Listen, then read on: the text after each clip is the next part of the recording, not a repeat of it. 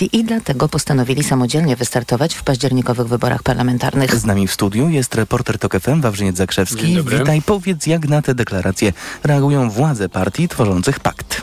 Ruch wywodzącej się z SLD Joanny Senyszyn szef klubu Lewicy Krzysztof Gawkowski ocenia jednoznacznie. Dogadaliśmy kandydatów, a wszyscy, którzy startują poza paktem senackim są de facto kolaborantami PiSu, więc start innych kandydatów przeciwko wydyskutowanym w pakcie senackim tak cała opozycja będzie traktowała. Z kolei rzecznik ludowców Miłosz Motyka, pytany przeze mnie o należącego do PSL-u Arkadiusza Bratkowskiego, wypowiada się w nieco bardziej dyplomatycznym tonie. Będziemy rozmawiali i będziemy go namawiali do tego, żeby ze startu zrezygnował. Jeśli tak się nie stanie, to będziemy w tej sprawie podejmowali konkretne kroki. Co istotne, ani Joanna Senyszyn, ani Arkadiusz Bratkowski formalnie nie są jeszcze kandydatami, a termin na zgłoszenie kandydatów i kandydatek do Sejmu i Senatu mija 6 września. Wawrzyniec Zakrzewski był z nami bardzo. Dziękujemy. Warszawski Szpital Dziecięcy razem z Fundacją Dajemy Dzieciom Siłę opracował pionierski system reagowania na podejrzenie, że dziecko, które trafiło pod opiekę lekarzy, mogło być ofiarą przemocy. Każda decyzja o ewentualnym zgłoszeniu sprawy służbom jest na początku konsultowana przez lekarzy i specjalistów, mówi wicedyrektorka szpitala Monika Kurkowska-Dudziec. Konsultujemy się z zespołem, tak żeby ta decyzja była w pewien sposób przemyślana. E, oczywiście jeśli chodzi o ścieżki interwencji,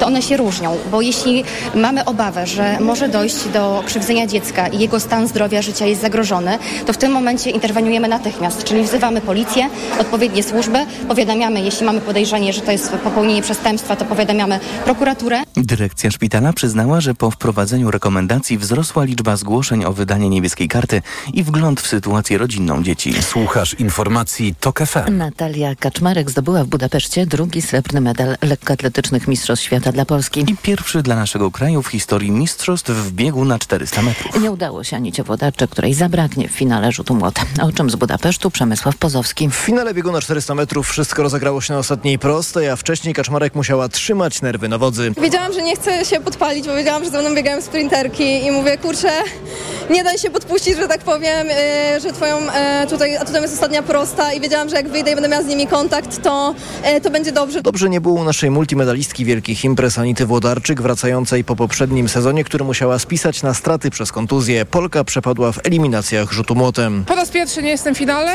to też duże e, zaskoczenie, ale najważniejsze jest to, że, że wróciłam. Jak weszłam na stadion, to sobie zaśpiewałam piosenkę I'm happy to be here. W finale rzutu młotem wystąpi natomiast dziś Malwina Kopron, choć jej szanse na medal są niewielkie. Z Budapesztu Przemysław Pozowski, TOK FM. Kolejne informacje w TOK FM o 7.20. Za chwilę poranek Radia TOK FM i Karolina Lewicka. A wcześniej prognoza pogody.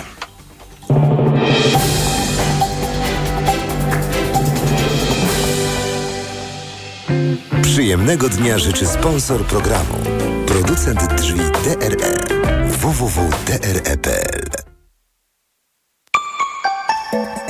Pogoda. Dziś będzie na ogół słonecznie, przelotny deszcz możliwy głównie na północy. 24 stopnie pokażą termometry w Gdańsku, 25 w Białymstoku, do 27 w Szczecinie, Bydgoszczy i Poznaniu, 28 w Warszawie, Łodzi, Wrocławiu i Krakowie, do 29 stopni w Rzeszowie. Przyjemnego dnia życzył sponsor programu. Producent drzwi DRE.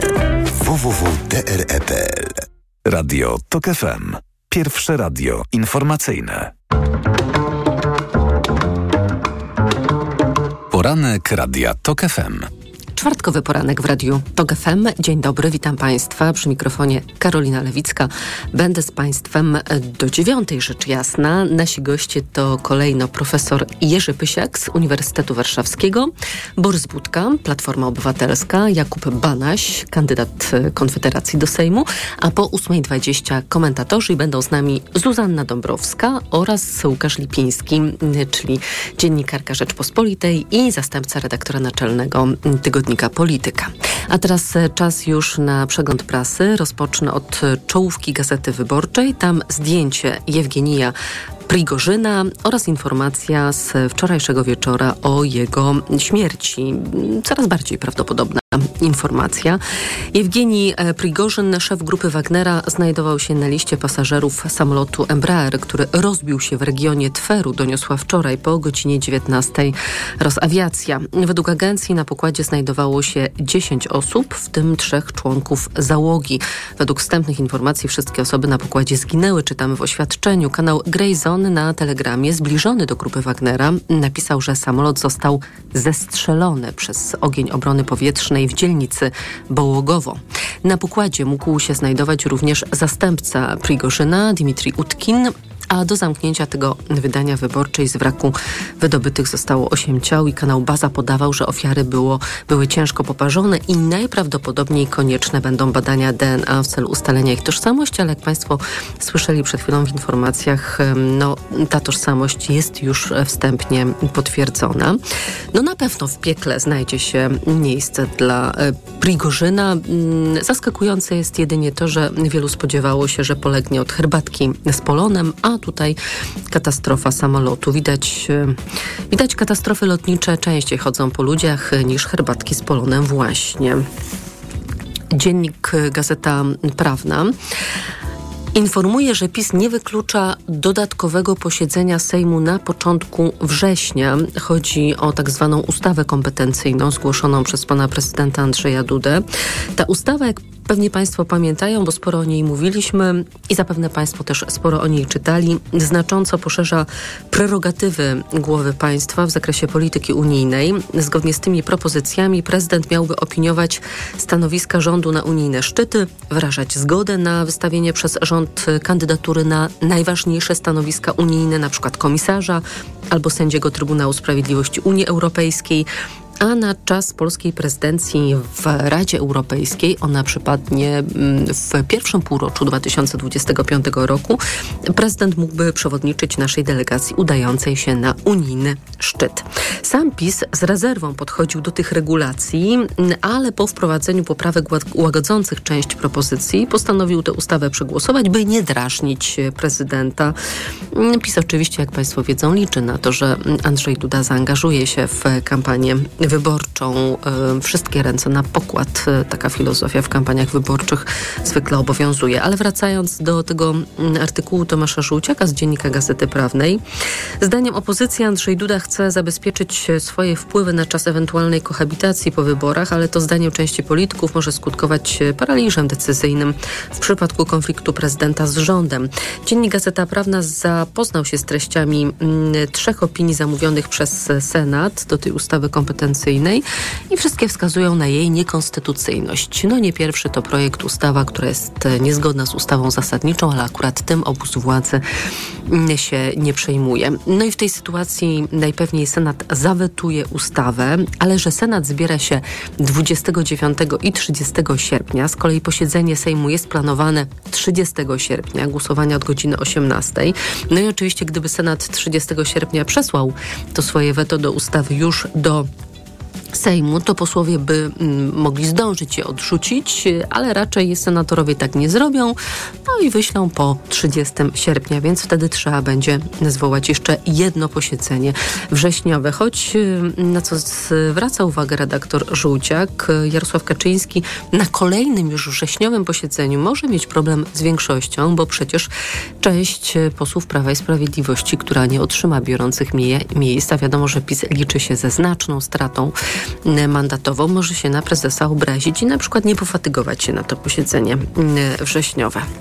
PiS po cichu dopina listy. Mm, to w tym temacie właśnie na stronach Gazety Wyborczej tekst Agaty Kondzińskiej Państwo znajdą. W poniedziałek w partyjnej centrali PiSu najbliżsi współpracownicy Jarosława Kaczyńskiego ustalali kandydatów do Senatu. Nie wszystko zostało zapięte na ostatni guzik, mówi jeden z bywalców e, przy Nowogrodzkiej, bo wiąże się to z transferami pomiędzy Sejmem i Senatem. Na listach wyborczych PiSu oczywiście są pewniaki, jak premier Morawiecki w Katowicach, e, czy minister aktywów państwowych Jacek Sasin na Podlasiu, ale wielu kandydatów partii wciąż nie ma pewności ani co do okręgu, ani miejsca na liście. Słychać, że PiS myśli o zmianie, na przykład w okręgu świętokrzyskim, skąd o mandat ostatnio walczył minister sprawiedliwości Zbigniew Ziobro. To nie jest przesądzone, bo trudno znaleźć mu inny okręg. Mógłby z Krakowa, ale tam weto na pewno zgłosi Małgorzata Wasserman, opowiada polityk obozu władzy.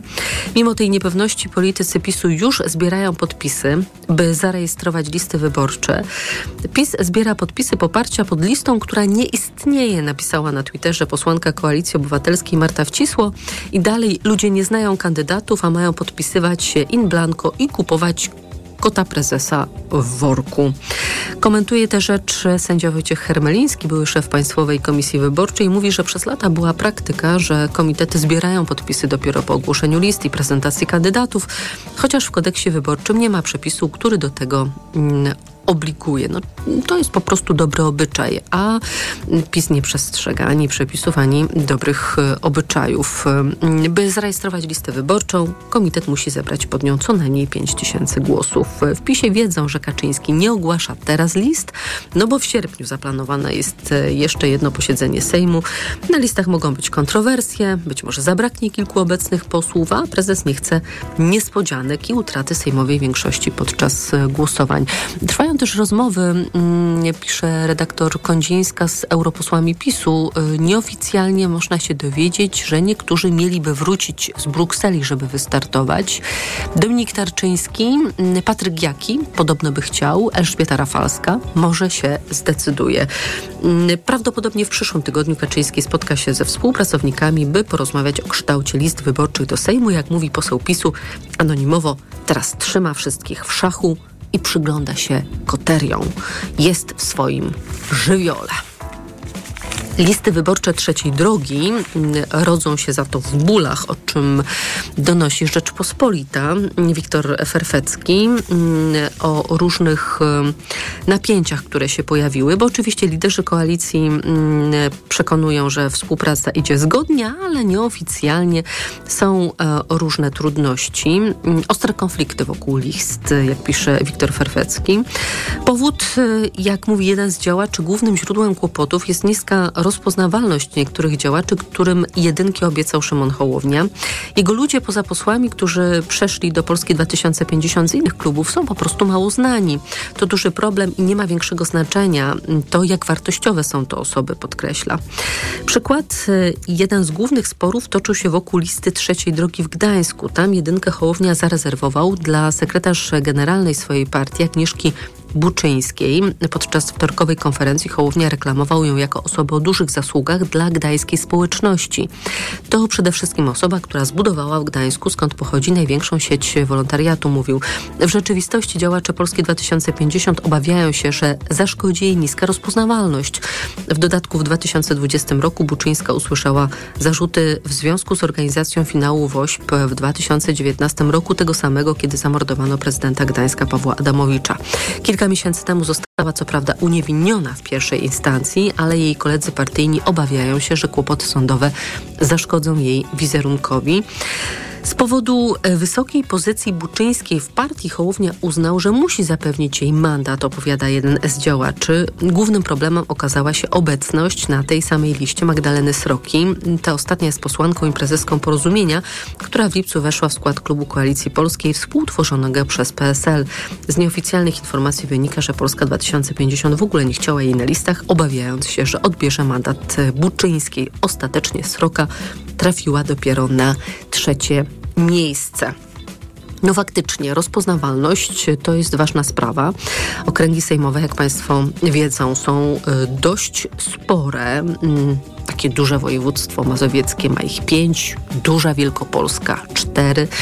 No, okręgiem sejmowym jest na przykład całe województwo opolskie, podlaskie, świętokrzyskie czy lubuskie, więc nie wystarczy ta rozpoznawalność yy, powiedzmy w danym mieście, czy kończąca się na opłotkach swojej gminy jeszcze tłustsze koty PiSu, mm, o tym Gazeta Wyborcza także. Małgorzata Sadurska, która zasiada w zarządzie PZU, zarobiła o 310 tysięcy złotych więcej niż wcześniej podawano. W sumie 2 miliony 360 tysięcy złotych. To 20 razy tyle, ile zarabia szeregowy pracownik PZU, więc w firmie zapowiada się protest, bo członkowie zarządu jakoś poradzili sobie z inflacją. Mm, podwyżki przegoniły mm, inflację, no ale szeregowi pracownicy na takie przyjemności liczyć nie mogą. Może jeszcze mm, z Rzeczpospolitej informacja niepokojąca. Mimo rządowej tarczy dla producentów pieczywo znowu drożeje coraz mocniej i wszystko wskazuje na podwyżki w następnych y, miesiącach. To obszerny tekst na stronie 18 Rzeczpospolitej. A pod spodem mm, bomoty z prezesa Narodowego Banku Polskiego. To zawsze warto, tak orzecze prezes Adam Glapiński. Kilka takich cytatów ja dla Państwa wybrałam. Taki z 5 stycznia 2023 roku kiedy Adam Glapiński był pytany o pieniądze z KPO, które przecież by się przydały zdaniem wielu ekspertów, ale nie zdaniem prezesa Glapińskiego. I Glapiński mówił wówczas tak. KPO to taki makijaż jakby trochę. Nie zmienia urody kobiety, a kobieta uważa, że się lepiej prezentuje. Może rating by się nam poprawił, kurs złotego darowanemu koniowi nie zagląda się w zęby. No przyznają Państwo, krótki fragment, a ile tutaj treści. Tyle, jeżeli chodzi o przegląd y, prasy. Profesor Jerzy Pysiak z Uniwersytetu Warszawskiego będzie moim Państwa pierwszym gościem tuż po informacjach, na które teraz Państwa serdecznie zapraszam. Poranek Radia TOK FM. Ekonomia to dla Ciebie czarna magia. Masz kapitał i nie wiesz, jak go zainwestować? Gubisz się w pomysłach polityków na gospodarkę. Magazyn EKG w TOK FM. Wyjaśniamy, informujemy i podpowiadamy. Od poniedziałku do piątku, po dziewiątej. Sponsorem audycji jest Moderna, budująca inwestycję Chronos w Warszawie. Reklama. RTV Euro AGD. Teraz aż 33% rabatu na drugi tańszy produkt. Promocja na całe duże AGD. I dodatkowo nawet pół roku nie płacisz. Do 30 lat 0%. RRSO 0%. Regulaminy w sklepach euro i na euro.com.pl.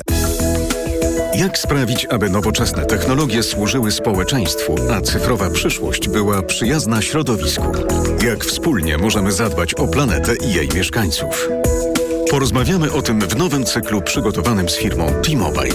Słuchaj już w czwartek po godzinie 16 w TOK FM. Problemy ze snem dotykają coraz więcej osób, dlatego warto umieć sobie z nimi radzić. Zawarta w suplemencie diety Positivum Sen melatonina ułatwia szybsze zasypianie, a wyciąg z szyszek chmielu pomaga zachować spokojny sen. Positivum Sen. Polecam. Ewa Gawryluk. Aflofarm. Reklama. Radio TOK FM. Pierwsze radio informacyjne. Informacje TOK FM. 7.20 Piotr Jaśkowiak, zapraszam. Kreml i rosyjskie Ministerstwo Obrony milczą o katastrofie, w której miał zginąć przywódca najemników z grupy Wagnera. Mijają dwa miesiące, odkąd Jewgenij Prigorzyn poprowadził swoich żołnierzy na Moskwę, rzucając wyzwanie Władimirowi Putinowi. Japonia zaczęła wypompowywać do oceanu wodę z uszkodzonej elektrowni atomowej w Fukushimie. Władze w Tokio zapewniają, że jest przefiltrowana i bezpieczna. Chiński rząd nie dowierza i wprowadza zakaz sprowadzania produktów morskich z połowy japońskich regionów. Tuż po wyjeździe z białostockiego dworca kolejowego wykoleił się pociąg pospieszny do Warszawy. Nikomu nic się nie stało, skład częściowo nie stoi na torach. Wstrzymany jest ruch pociągów, m.in. do stolicy. Naukowa i akademicka sieć komputerowa ostrzega. Trwa operacja oszustów, którzy wyłudzają hasła do Facebooka. Polega na wysyłaniu wiadomości do użytkowników, którzy administrują fanpage'ami. Przestępcy grożą ich usunięciem i prowokują do skorzystania z fałszywej strony do logowania. Teraz sport w TOK FM. Informacje sportowe. Michał Waszkiewicz, zapraszam. Natalia Kaczmarek, wicemistrzynią świata na 400 metrów. Polska biegaczka po kapitalnym finiszu wyprzedziła na ostatniej prostej dwie rywalki i wywalczyła w Budapeszcie srebrny medal. Przegrała jedynie z Mary Lady Paulino z Dominikany. Słabo w eliminacjach rzutomłotem spisała się wczoraj Anita Włodarczyk. Polka odpadła z rywalizacji. W dzisiejszym finale wystąpi za to Malwina Kopro, no choć jak mówi o medale raczej nie powalczy. Może nie jestem na rekord życiowy teraz, ale ja jestem na najlepsze rzucanie w tym roku, bo już treningi w spale pokazywały, że jestem w stanie rzucać w granicach 73 metrów i właśnie tyle rzucałam. Także mam nadzieję, że będę walczyła o minimum olimpijskie, bo taki jest mój cel. No niestety, no teraz nie jestem na 77 metrów i jestem tego świadoma. Wczoraj dwa złote medale wręczono w konkursie tyczkarek. Nina Kennedy z Australii i Katie Moon z USA skoczyły po 4,90 i miały taką samą liczbę zrzutek. Bieg na 1500 metrów wygrał Brytyjczyk Josh Kerr, który niespodziewanie pokonał wielkiego faworyta Jakoba Ingebrigtsena z Norwegii.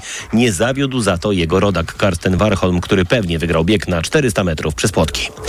Legia Warszawa rozpoczyna dziś ostatni etap walki o awans do fazy grupowej piłkarskiej Ligi Konferencji. Rywalem wicemistrzów Polski będzie duńskie Midtjylland. Pierwszy mecz wojskowi rozegrają na wyjeździe przed własną publicznością. To jest groźny zespół, mówi trener Legii Kosta Runiaic. Znamy tę drużynę, to wysokiej klasy zespół mający spore indywidualności. Gra na dużej intensywności, lubi zaskakiwać rywali podaniami prostopadłymi. Musimy grać kompaktowo, uważnie i skutecznie, zwłaszcza w defensywie i utrzymywać się przy piłce tak, by cały czas to rywale musieli za nią biegać. Początek meczu o 20, rewanż w Warszawie za tydzień. Rozstawieni z numerem trzecim Jan Zieliński i Monakijczyk Ugonys pokonali Austriaków Aleksandra Redlera i Lukasa Midlera 6-2-6-4 i awansowali do ćwierćfinału debla tenisowego turnieju ATP w Winston-Salem. O awans do półfinału Zieliński i Nys powalczą z Ekwadorczykiem Gonzalo Escobarem i Kazachem Aleksandrem Niedowiesowem. Turniej w Winston-Salem to ostatni sprawdzian przed ruszającym już w poniedziałek wielkoszymowym US Open. Pogoda. Od 24 stopni Celsjusza w Trójmieście, przez 28 w Krakowie, Warszawie, Łodzi i Wrocławiu, do 29 stopni w Rzeszowie. Chmur będzie dzisiaj niewiele, a deszcz i to przelotny spadnie tylko na północy kraju. Wiatr słaby i umiarkowany. Radio TOK FM. Pierwsze radio informacyjne. Poranek Radia TOK FM. Zapowiadany profesor Jerzy Pysiak, historyk mediewista, Wydział Nauk o Kulturze i Sztuce Uniwersytetu Warszawskiego. Dzień dobry panie profesorze. Dzień dobry pani redaktor, dzień dobry państwu. Wyjątkowo nie będziemy rozmawiać o średniowieczu, bo zwykle rozmawiamy o wydarzeniach średniowiecznych, kiedy się spotykamy, a porozmawiamy o pieniądzach. Mam przed sobą e, wersję krótką raportu zatytułowanego Nauka i Szkolnictwo Wyższe A PKB. I on został przygotowany z inicjatywy pięciu uczelni ekonomicznych. To są Uniwersytety Katowicki, Wrocławski, Krakowski, Poznański i Szkoła Główna Handlowa w Warszawie. Publikację całości zaplanowano na wrzesień. Ale już e, tutaj przede mną fragment, jak powiedziałam, ta wersja krótka i pozwolę sobie zacytować e, to, od czego wyjdziemy i o komentarz poprosić. Poziom wynagrodzeń nauczycieli akademickich w porównaniu zarówno do minimalnego, jak i do przeciętnego wynagrodzenia w gospodarce osiągnął w ubiegłym 2022 roku poziom najniższy od 2004 roku czyli od 18 lat. No i w ciągu tych 18 lat generalnie stale wykazywał tendencję spadkową, z wyjątkiem takiego lekkiego i krótkotrwałego drgnięcia w górę za czasów drugiego rządu Donalda Tuska, drugiej kadencji. No i jeszcze jeden cytat. Wynagrodzenia asystentów znajdują się obecnie na poziomie zbliżonym do płacy minimalnej. No czyli co? No nie opłaca się być akademikiem w Polsce. No nie tylko się to nie opłaca e, ze względów finansowych i prestiżowych, e, ale także najwyraźniej większość e, polskich polityków z niemal wszystkich partii rządzących w Polsce w ciągu ostatnich e, blisko 20 lat e, nie uważa, że byłby to, że, że jest to zawód potrzebny i dziedzina aktywności potrzebna do rozwoju Polski.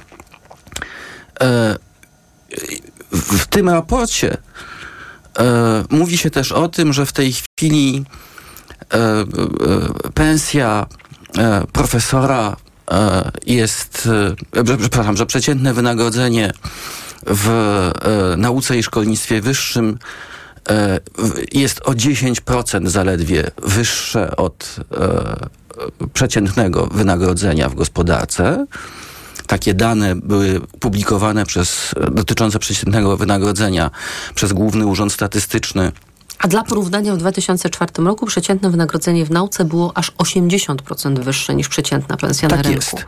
Ja mogę powiedzieć, że e, będąc zatrudnionym na stanowisku profesora e, Uniwersytetu Warszawskiego, e, zarabiam wraz z dodatkowym wynagrodzeniem e, związanym z zatrudnieniem w grancie mniej niż wynosi e, przeciętne wynagrodzenie w gospodarce narodowej i od razu, żeby nie było żadnych wątpliwości, nie wynika to bynajmniej z tego, że mamy złego rektora.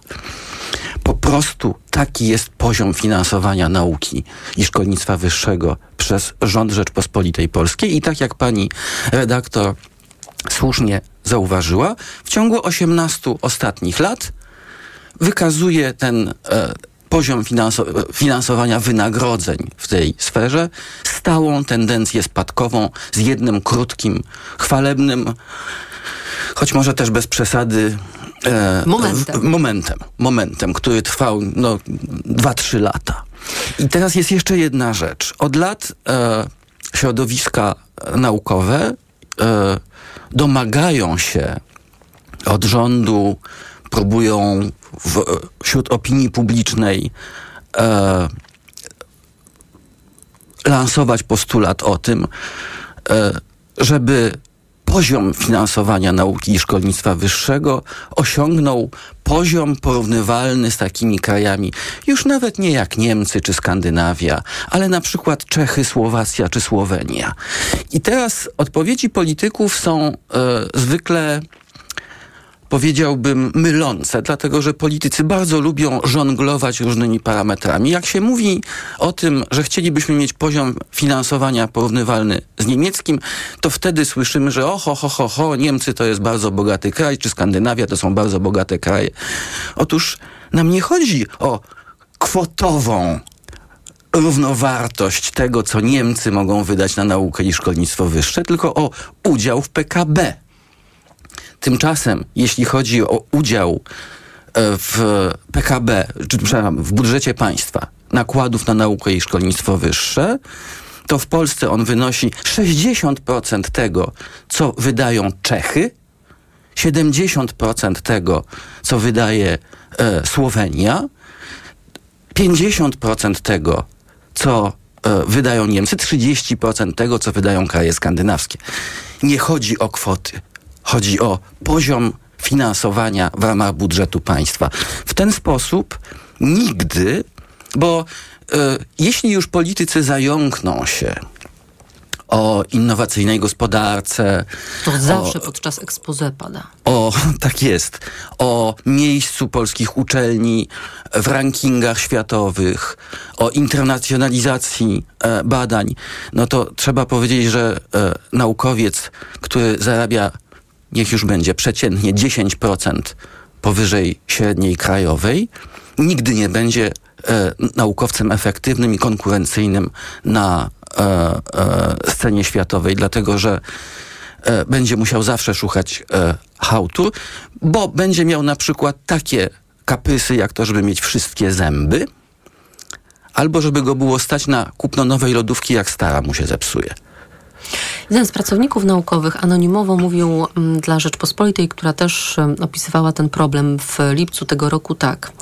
Młodzi ludzie widzą, że nauka zupełnie się nie opłaca. I prawdopodobnie polskie uczelnie zaczną się wkrótce zmagać z tym samym co Kościół. Z brakiem powołań naukowych. No i mamy jeszcze dwa inne zjawiska. E, Drenaż mózgów. Po prostu kto może, ten wyjeżdża. No i jeszcze odwrócona piramida wieku na uczelniach wyższych. Kadra jest po prostu coraz starsza. No tak, dlatego że e, młodzi kandydaci do e, powołań w Naukowych. nauce e, no, e, muszą myśleć o tym, że e, z czegoś będą musieli utrzymać rodzinę.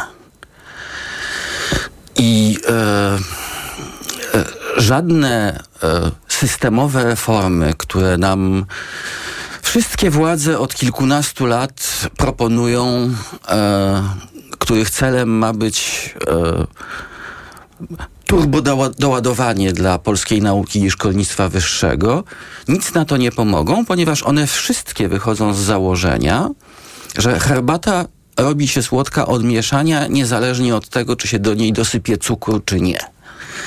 Jest tutaj jeszcze jedna rzecz. E, mianowicie zupełna krótkowzroczność e, zakładanych celów polityki naukowej.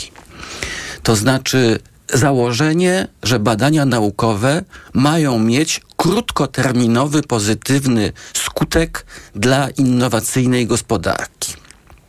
Otóż po pierwsze, wiąże się to z całkowitym niedoszacowaniem pozytywnego wpływu na PKB badań, które nie są związane z gospodarką, tylko na przykład humanistyki, ale one budują kapitał społeczny i były ogromne, szeroko zakrojone badania, między innymi prowadzone swego czasu w Korei Południowej, która jest państwem, jak wszyscy wiemy, bardzo innowacyjnym i która ponosi ogromne nakłady na badania humanistyczne i jest udowodnione, że to przynosi jej e, co roku kilka procent przyrostu PKB.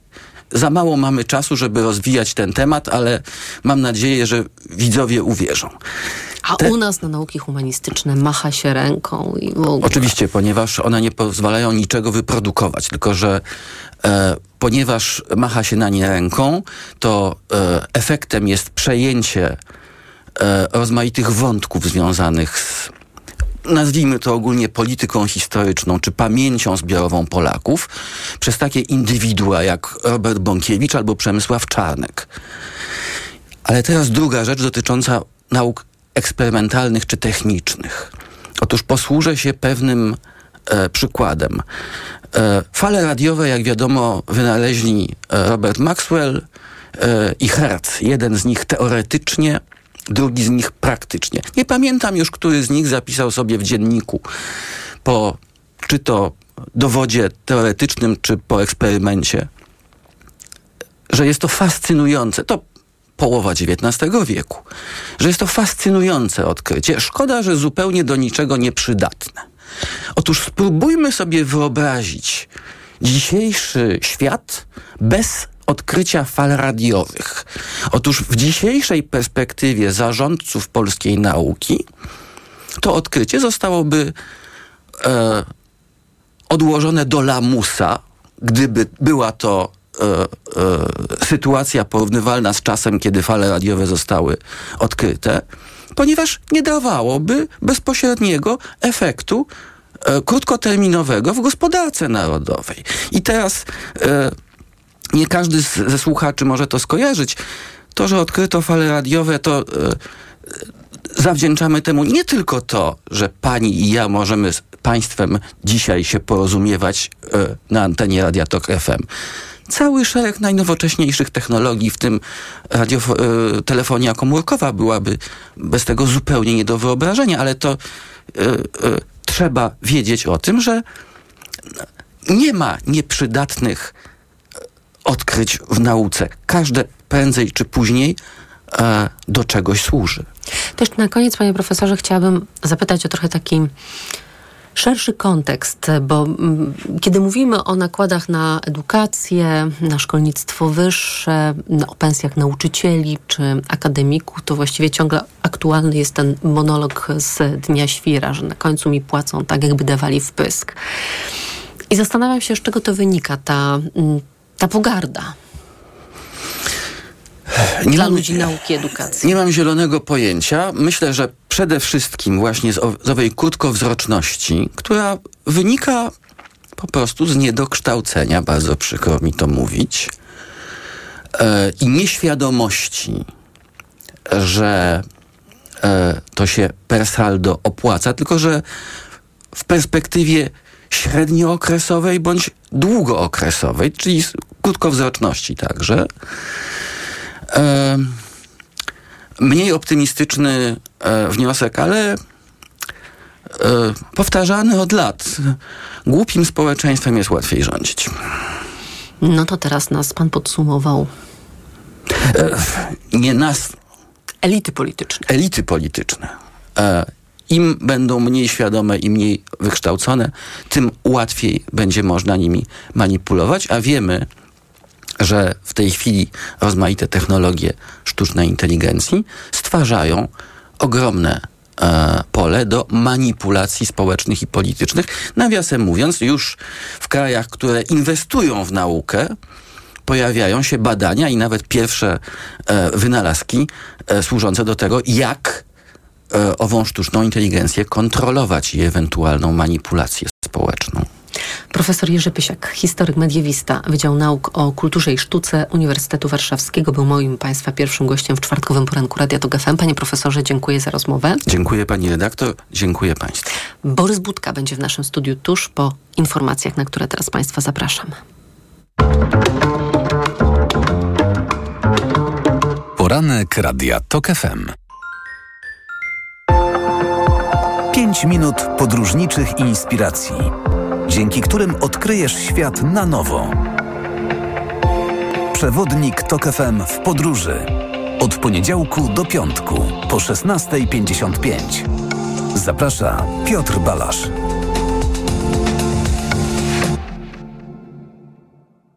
Sponsorem programu jest TravelPlanet.pl, portal turystyczny i sieć salonów. TravelPlanet.pl. Wszystkie biura podróży mają jeden adres. Reklama. RTV Euro AGD. Powrót do szkoły? Skompletuj wyprawkę z euro. Ponadto do 31 sierpnia za każde wydane 300 zł zyskaj 30 zł rabatu na wybrane produkty. Rabat naliczamy od razu. Nawet do 2010 zł rabatu. Sprawdź produkty objęte promocją. Na przykład teraz smartfon Xiaomi Redmi Note 12 128 giga. W promocji jeszcze tylko dziś. Rabat zależy od wartości koszyka. Szczegóły w tym regulamin w sklepach i na euro.com.pl Marian? Obecny? Rok szkolny się zaczyna. Młody sprzęt do nauki ma? No nie ma, ale, ale, ale w Media Expert promocja jest. Za wydane trzy stówki 30 zł rabatu dostajesz. Dobrze, siadaj. Albo lepiej od razu pójdziemy. Powrót do szkoły z Media Expert. Laptopy, smartfony, tablety, słuchawki w super niskich cenach. A za wydane 300 zł na produkty w promocji dajemy 30 zł rabatu. Zyskaj nawet 2010 zł. Więcej w sklepach i na mediaexpert.pl. Problemy ze snem dotykają coraz więcej osób, dlatego warto umieć sobie z nimi radzić. Zawarta w suplemencie diety Positivum Sen melatonina ułatwia szybsze zasypianie, a wyciąg z szyszek chmielu pomaga zachować spokojny sen. Positivum Sen. Polecam. Ewa Gawryluk. Aflofarm. Tylko do 27 sierpnia wybrane rośliny do domu i ogrodu kupisz w OBI aż o 15% taniej. Sprawdź szczegóły w sklepach OBI i na obi.pl. Pamiętaj, w najbliższą niedzielę jesteśmy otwarci. Zrobisz to z OBI. Dlaczego zmieniłam tabletki na wątrobę i stosuję Proliver Cardio? Bo poprzednie tylko chroniły wątrobę, a Proliver Cardio również stymuluje pracę układu pokarmowego. Proliver nie tylko wspomaga wątrobę, ale również wspiera odtruwanie. I dodatkowo Proliver Cardio wspiera zdrowe serce. Suplement diety ProLiver Cardio. Zdrowie wątroby i serca. Dostępny również ProLiver plus Magnes. Aflofarm. Wyciąg z liści karczocha wspiera funkcjonowanie przewodu pokarmowego, wątroby, wydzielanie soków trawiennych oraz detoksykację organizmu. Wyciąg z ostryżu długiego wspiera funkcjonowanie serca. A w Castoramie... Totalne! Szaleństwo tylko przez 6 dni, bo u nas dostaniesz cztery farby białe lub kolorowe, W tym z mieszalnika. a zapłacisz tylko za trzy. Ale akcja! 4 za 3 w Castoramie. Promocja potrwa tylko do poniedziałku. Szczegóły w regulaminie w sklepach i na castorama.pl. Puk, puk, kto tam? 200 za każde wydane 1000 złotych od Leroy Merlin. Tak, otwórz się na nową promocję w klubie, bo teraz zwracamy na kupon 200 złotych za każde 1000 złotych wydane na drzwi zewnętrzne, wewnętrzne i ościeżnice. Taka okazja tylko do 2 września. Regulamin promocji w sklepach. Zapraszamy. Leroy Merlin. Jestem lekarzem dermatologiem i wiem, że stosując pomadkę do ust myślimy głównie o nawilżeniu. To za mało, dlatego sama stosuję i polecam Regenerum. Regeneracyjne serum do ust z filtrem SPF 50+. Pod wpływem słońca usta tracą objętość i kolor. Regenerum skutecznie chroni delikatną skórę ust przed szkodliwym działaniem słońca. Ponadto Regenerum intensywnie nawilża usta, zapobiega utracie wody, odżywia je i poprawia elastyczność. Dzięki Regenerum usta na długo zachowują naturalne piękno. Regenerum. Pełna regeneracja. Razem jest pogodniej i łatwiej żyć. Bądźmy razem jesienią. Zapraszamy do wspólnego oglądania. Razem obejrzymy znakomite nowości, najlepsze polskie seriale i ulubione programy rozrywkowe. Już we wrześniu nowy sezon kultowego programu Rolnik szuka żony. Bądźmy razem jesienią, tylko w TVP. Więc bądźmy razem. Reklama. Radio TOK FM. Pierwsze radio informacyjne. Informacje TOK FM. 7.41 Piotr Jaśkowiak, zapraszam. Platforma Obywatelska złożyła pierwszy w tej kampanii pozew w trybie wyborczym. Domaga się przeprosin od Prawa i Sprawiedliwości za umieszczenie w spocie słów o 15% bezrobociu za czasów Donalda Tuska. Także o to Karolina Lewicka zapyta za chwilę byłego szefa PO Borysa Budkę w poranku Radia Tok FM. Z danych Głównego Urzędu Statystycznego wynika, że po raz ostatni stopa bezrobocia sięgnęła 15% na początku 2007 roku. Kodeks wyborczy stanowi, że wnioski złożone w trybie wyborczym wyborczym sądy rozpatrują w ciągu 24 godzin. Do tego tematu wrócimy w informacjach TOK FM o 8. Polskie władze zapewniają, że uważnie obserwują sytuację w Rosji. Jewgenij Prigorzyn, przywódca najemników z grupy Wagnera, najprawdopodobniej zginął w katastrofie samolotu. Mijają dokładnie dwa miesiące od czasu marszu na Moskwę i podobnie jak wówczas zdarzenia mające miejsce na terytorium Federacji Rosyjskiej są wewnętrzną sprawą. Przygl przyglądamy się z uwagą, oświadczył szef Biura Bezpieczeństwa Narodowego. Nie jest jasne, co śmierć Prigorzyna może oznaczać dla jego żołnierzy, którzy w ostatnich tygodniach tysiącami zaczęli przemieszczać się na Białoruś. Słuchasz informacji TOK FM. Firma transportowa należąca do premier Estonii wciąż współpracuje z Rosjanami, ujawniła telewizja ERR. Mój mąż nie ma żadnych klientów będących rosyjskimi przedsiębiorcami, odpowiada Kaja Kallas. Mamy tylko jednego estońskiego klienta, któremu pomagamy wypełnić poprzednie ważne i legalne umowy międzynarodowe z Rosją. Nie zawieramy obecnie nowych kontraktów na dostawy do tego kraju, zapewnia sama firma. Opozycja domaga się dymisji szefowej rządu. To, co nie udało się Rosji, powiodło się Indiom. W pobliżu księżycowego bieguna południowego wylądowała ich sonda Vikram. Wkrótce opuści ją niewielki łazik, który zajmie się poszukiwaniem wody i minerałów. Na wieść o sukcesie Centrum Kontroli Lotu oszalało z radości.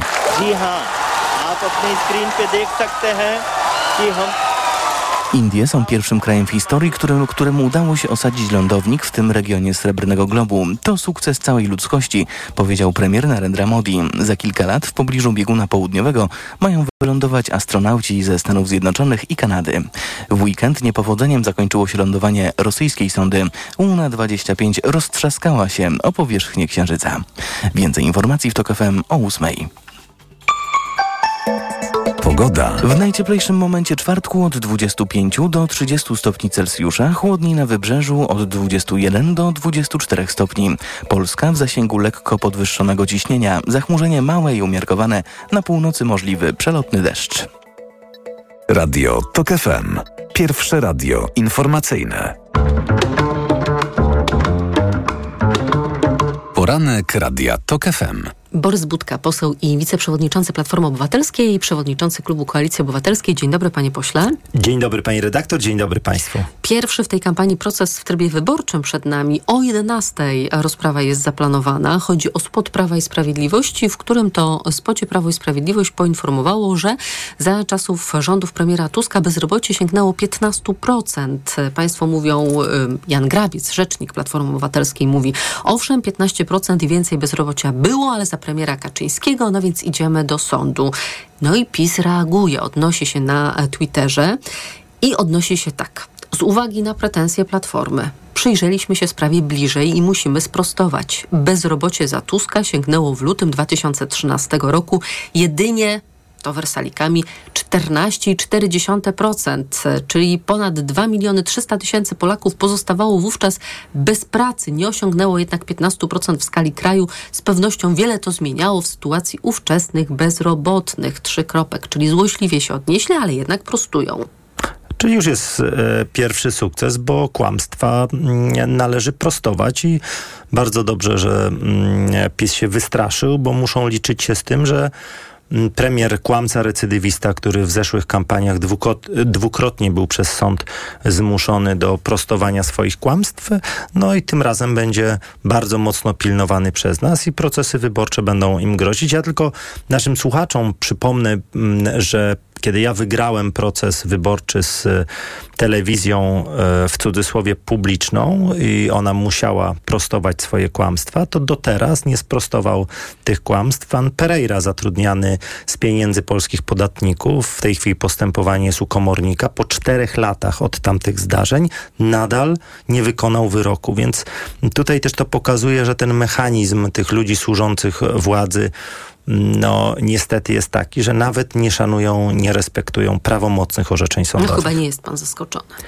Jestem czasami zaskoczony, bo jeszcze mnie się wydaje, że są jakieś resztki mm, takich elementarnych zasad, ale po drugiej stronie tych zasad nie ma. Co więcej, myślę, że ci ludzie są właśnie wynagradzani za to, żeby w sposób taki ordynarny nawet nie respektować wyroków sądowych. Do wyborów 52 dni łącznie z dzisiejszym, wszak dopiero się rozpoczynającym. Trochę można odnieść takie wrażenie, kiedy patrzymy na sondaże, że, że ten tort został już podzielony i że chyba tylko jakieś spektakularne coś może odmienić te dzisiejsze notowania partii. Czy pan myśli, że teraz będzie jakieś takie turbodoładowanie i w tej kampanii wyborczej uda się zmienić podział tego tortu? Jestem przekonany, że ten prawdziwy wyścig, ten finisz będzie odbywał się mm, w ostatnich tygodniach kampanii wyborczej. Ostatnie 3-4? Mm, tak, to jest kwestia przede wszystkim mobilizacji wyborców. Okres wakacyjny zwykle nam nie sprzyjał, a tutaj okazuje się, że przynajmniej te trzy ostatnie sondaże były bardzo dobre i dla opozycji, i dla koalicji obywatelskiej szczególnie. Więc ja wierzę w tą mijankę na finiszu, to znaczy, że będziemy pierwsi, że wyborcy mm, zdecydują się mm, oddać na nas głos. No na, razie kilka punktów procentowych głos, dzieli, nas, dzieli nas kilka, w niektórych sondażach dwa, w niektórych trzy punkty procentowe, czyli to jest pięć. w granicach błędu statystycznego, błędu badawczego. No i oczywiście mm, będzie kwestią tego, czy nasi partnerzy po stronie opozycyjnej E, mówiąc kolokwialnie, dojadą na takim poparciu, jakie w tej chwili mają, to, to będzie bardzo bardzo ciekawy wyścig na samym finiszu. A jakiej frekwencji się pan spodziewa? Czy pan myśli, że Polacy tłumnie pójdą na wybory, czy znużeni, zmęczeni, rozczarowani, rozgoryczeni pozostaną w domach? Zbieramy w tej chwili podpisy pod naszymi kandydatami mm, i ten entuzjazm, ale też takie mm, zapewnienia, że tym razem pójdę głosować, jest bardzo e, duży i to nastraja optymistycznie, ale bardzo ważne jest, żeby ten entuzjazm utrzymać.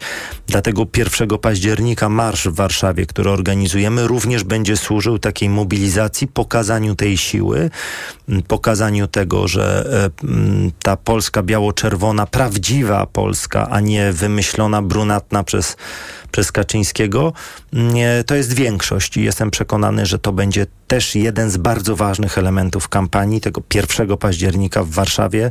Pokażemy tą siłę.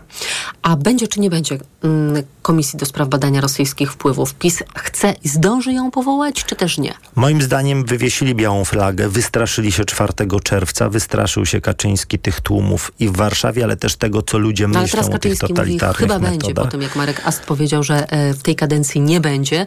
Ponoć też naciska Pałac Prezydencki, żeby jednak była no bo... Wprawdzie mało czasu do 17 września, kiedy miał być pierwszy raport, zostało, ale przecież tam można jedno zdanie napisać. Donald Tusk jest agentem rosyjskim obojętnie czy ta komisja powstanie, czy nie, wiemy doskonale, że ona nie ma żadnego politycznego znaczenia, że Kaczyński każdą instytucję, czy zgodną z konstytucją, czy też udającą instytucję publiczną podeptał i myślę, że nawet jeżeli by próbowali coś robić, to nie będzie to miało wpływu na mm, wynik wyborczy, czy też na, na postrzeganie konkretnych osób, bo nikt nie wierzy, że to będzie komisja, tylko to będzie jakieś politbiuro Kaczyńskiego. Czy ono powstanie, czy nie? Moim zdaniem, nawet jeśli powstanie, to nie zdąży zacząć swojej pracy. Wracam jeszcze do mm, badań opinii publicznej, bo kiedy na, na nie patrzymy, to wyłania się z nich e, taki jeden scenariusz, że że ten parlament, który zostanie przez Polaków wybrany 15 października, będzie parlamentem tymczasowym, że czekają nas przyspieszone wybory za pół roku, za rok. Na ile jest realny taki scenariusz, że będziemy w takim momencie no, czy okresie chaosu?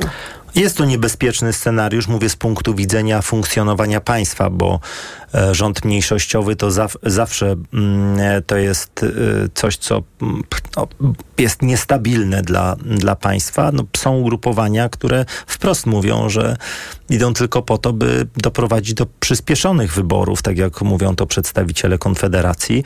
Oni już tego nawet nie kryją, dlatego my przekonujemy ludzi o prawdziwie wolnościowych poglądach, żeby mm, głosować na koalicję obywatelską, żeby ten, ta stabilna większość mogła być przez nas budowana. Mm, no i ten czas pokaże, czy to się uda. Mm, na pewno jest jakieś tam niebezpieczeństwo, chociaż tendencja sondażowa jest taka, że jest duża szansa wyłonić stabilny, opozycyjny, mówię o dzisiejszej opozycji rząd. A czy PiS odda władzę, jeśli przegra wybory? A, a może, czy PiS odda władzę, czy tylko tak się nam będzie wydawać? Bo na przykład w wielu miejscach zachowa pakiet kontrolny. Zresztą są czynione ku temu odpowiednie przygotowania, chociażby przegłosowanie tego przekazania kompetencji prokuratora generalnego prokuratorowi krajowemu, co się w Sejmie dokonało. Ale też jest prezydent, jest Trybunał Konstytucyjny, jest NBP. Nawet jeśli będą próbować, to e, będą musieli oddać każdą zawłaszczoną instytucję. Ja się nie boję powiedzieć będą bardzo. Musieli, bo? Tak. E, bo taki będzie wynik wyborczy. I nawet jeżeli Kaczyński będzie cokolwiek kombinował, próbował betonować, to po tym jak deptał konstytucję, po tym jak niszczył elementy, mm, e, mm, takie filary państwa prawa, no niech nie liczy na to, że nielegalne przepisy będą przez kogokolwiek no dobrze, widziane. Ale będziemy mieli dwie ustawy. Kompetencyjną, ona jest cały czas w procesie legislacyjnym, ale załóżmy, że zostanie mm, uchwalona, która przekazuje dużą część kompetencji panu prezydentowi, jeżeli chodzi o politykę unijną. Na przykład jak będziecie chcieli po przyszłorocznych wyborach do Parlamentu Europejskiego i konstytuowaniu się nowej Komisji Europejskiej wskazać komisarza, to trzeba będzie pytać pana prezydenta o mm, zdanie, tak? No i mamy właśnie to przekazanie kompetencji prokuratorowi krajowemu. Dariusz Barski może być odwołany tylko za zgodą pana prezydenta. No i co robicie z takimi dwoma ustawami? Możecie te ustawy zmienić innymi ustawami, możecie je znowelizować, ale to wtedy wymaga podpisu kogo? No Andrzeja Dudy. Ale jeżeli coś jest niezgodne z konstytucją, to e, nie trzeba. Mm, to oczywiście jest Trybunał Konstytucyjny, ale dzisiaj nie ma Trybunału w tym konstytucyjnym znaczeniu, więc jest możliwa tak zwana rozproszona kontrola konstytucyjna. Prawnicy na to wskazują. Czyli do sądu, tak? Z taką ustawą? Jest możliwe. Mm, no nie branie pod uwagę takiej ustawy, która wprost narusza konstytucję, bo przypomnę, że prezydent nie ma takich kompetencji zapisanych w konstytucji, ani w przypadku prokuratora krajowego, ani w przypadku polityki zagranicznej. Pan prezydent, jeżeli podpisze, podpisze tę ustawę, no to kolejny raz mm, dopisze do aktu oskarżenia przeciwko sobie e, mm, kolejny punkt, a no i oczywiście będziemy z tego wyciągać konsekwencje. Donald Tusk będzie na kampusie Rafała Trzaskowskiego. A co z zaangażowaniem prezydenta stolicy w kampanię? Wczoraj był Rafał Trzaskowski w Skawinie, ale to jest, jeżeli dobrze liczę, trzecia obecność Rafała Trzaskowskiego w tej kampanii. Państwo chcą zaangażowania prezydenta stolicy, czy państwo nie chcą, czy prezydent chce, czy nie chce? Rafał jest bardzo mocno zaangażowany w, w, naszą kampanię, bo przypomnę, że też e, wspierał, był w wielu miejscach, żeby wspierać e, wolontariuszy, którzy pilnują wyborów. To jest też bardzo istotny element mm, wyborczy. Mm, kampus jest zawsze takim przedsięwzięciem, które przyciąga uwagę, jest dobrym miejscem dyskusji ono jest jednoznacznie kojarzone z Platformą Obywatelską, Koalicją Obywatelską. Mm, wystąpienie w Olsztynie Rafała będzie i będzie również brał udział bardzo intensywnie w kampanii. Oczywiście z poszanowaniem i z uwzględnieniem obowiązku, no, ale kiedy? Bo Donald Warszawy. zapowiedział włączenie się prezydenta Warszawy w tę kampanię 17 kwietnia. No i od tego 17 kwietnia do właśnie te trzy mm, wiece, tak, takie kampanijne, wyborcze, no i to zaangażowanie w wspieranie wolontariuszy, którzy chcą pilnować wyborów. To chyba tak skromnie. Trzeba siły rozkładać na cały etap, e, na całą kampanię wyborczą, na poszczególne etapy i tak jak zapowiedzieliśmy, Rafał Trzaskowski będzie jedną z osób, które wspierają tą kampanię. Dzisiaj kampania toczy się już w poszczególnych okręgach, tam nasi kandydaci bardzo mocno pracują, a Rafał będzie starał się również im pomagać w takich indywidualnych spotkaniach, właśnie nie tylko w postaci wieców, ale również mniejszych eventów. Według Cebosu jeżeli chodzi o wyborców Koalicji Obywatelskiej, to aż 46%, 46% ma poglądy lewicowe, 13% prawicowe, a 36% centrowe. I tak się zastanawiam, czy, czy właśnie postać prezydenta stolicy może dalej przyciągać, czy mobilizować e, właśnie wyborców tych, którzy mają serce, światopogląd po lewej stronie. A dziś tracą się te klasyczne podziały, co jest lewicą, prawicą i na świecie, i w Polsce, bo dzisiaj bardzo często osoby, które deklarują takie lewicowe poglądy, e, myślą o kwestiach liberalnych światopoglądowo, ale na przykład e, są jednocześnie e, wolnorynkowcami i mm, na to też trzeba patrzeć, prawda? Dzisiaj ktoś, kto mówi, że jest, ma poglądy lewicowe, mówi to w kontrze do mm, tego, no, chcąc pokazać, że odróżnia się od rządu, który się nazywa prawicowym. Oczywiście nie mamy w Polsce prawicowego rządu, mamy rząd narodowych socjalistów, ludzi mm, bardzo mocno, mm, e, e, jeśli chodzi o gospodarkę, o, o to, co robią, to jest socjalizm, ale z drugiej strony o bardzo mocnej nucie narodowej, grają na emocjach, e, wykorzystują Kościół, instytucje Kościoła do kampanii wyborczej, mm, więc e, dlatego często osoby, które e, chcą przeciwko rządowi, mówią, no, żeby pokazać, że mają inne poglądy, że są lewicowe. My wykorzystujemy bardzo, bardzo szeroko to, że Koalicja Obywatelska jest podmiotem złożonym. Mamy przecież osoby, które mm, właśnie są z tej lewej strony sceny politycznej, bo przecież i, i Barbara Nowacka mm, i teraz dołączyły do nas nasze koleżanki z mm, Sejmu czy z Senatu, które rozpoczynały swoją drogę właśnie w lewicy, więc ta lewa strona jest zaopiekowana, ale z drugiej strony mamy też osoby o, o bardzo mocno centrowych, wolnościowych poglądach w tym pozytywnym słowa znaczeniu, bo niestety jest tak, że przez pewien czas Konfederacja, która jest antywolnościową partią, jeśli popatrzymy o światopogląd, zawłaszczyła pojęcie wolności. No ale już jak Kaczyński zaczyna mówić, że on jest demokratą, wolnościowcem i, e, i dla niego wolność jest, jest e, ważna, no to to widzimy, jak te pojęcia się tracą, zatracają wręcz. Borys Budka, poseł wiceprzewodniczący Platformy Obywatelskiej, przewodniczący klubu Koalicji Obywatelskiej, e, jedynka w Katowicach, czyli będzie pan rywalizował z jedynką PiSu w Katowicach, czyli Mateuszem Morawieckim. Tak, niestety pan,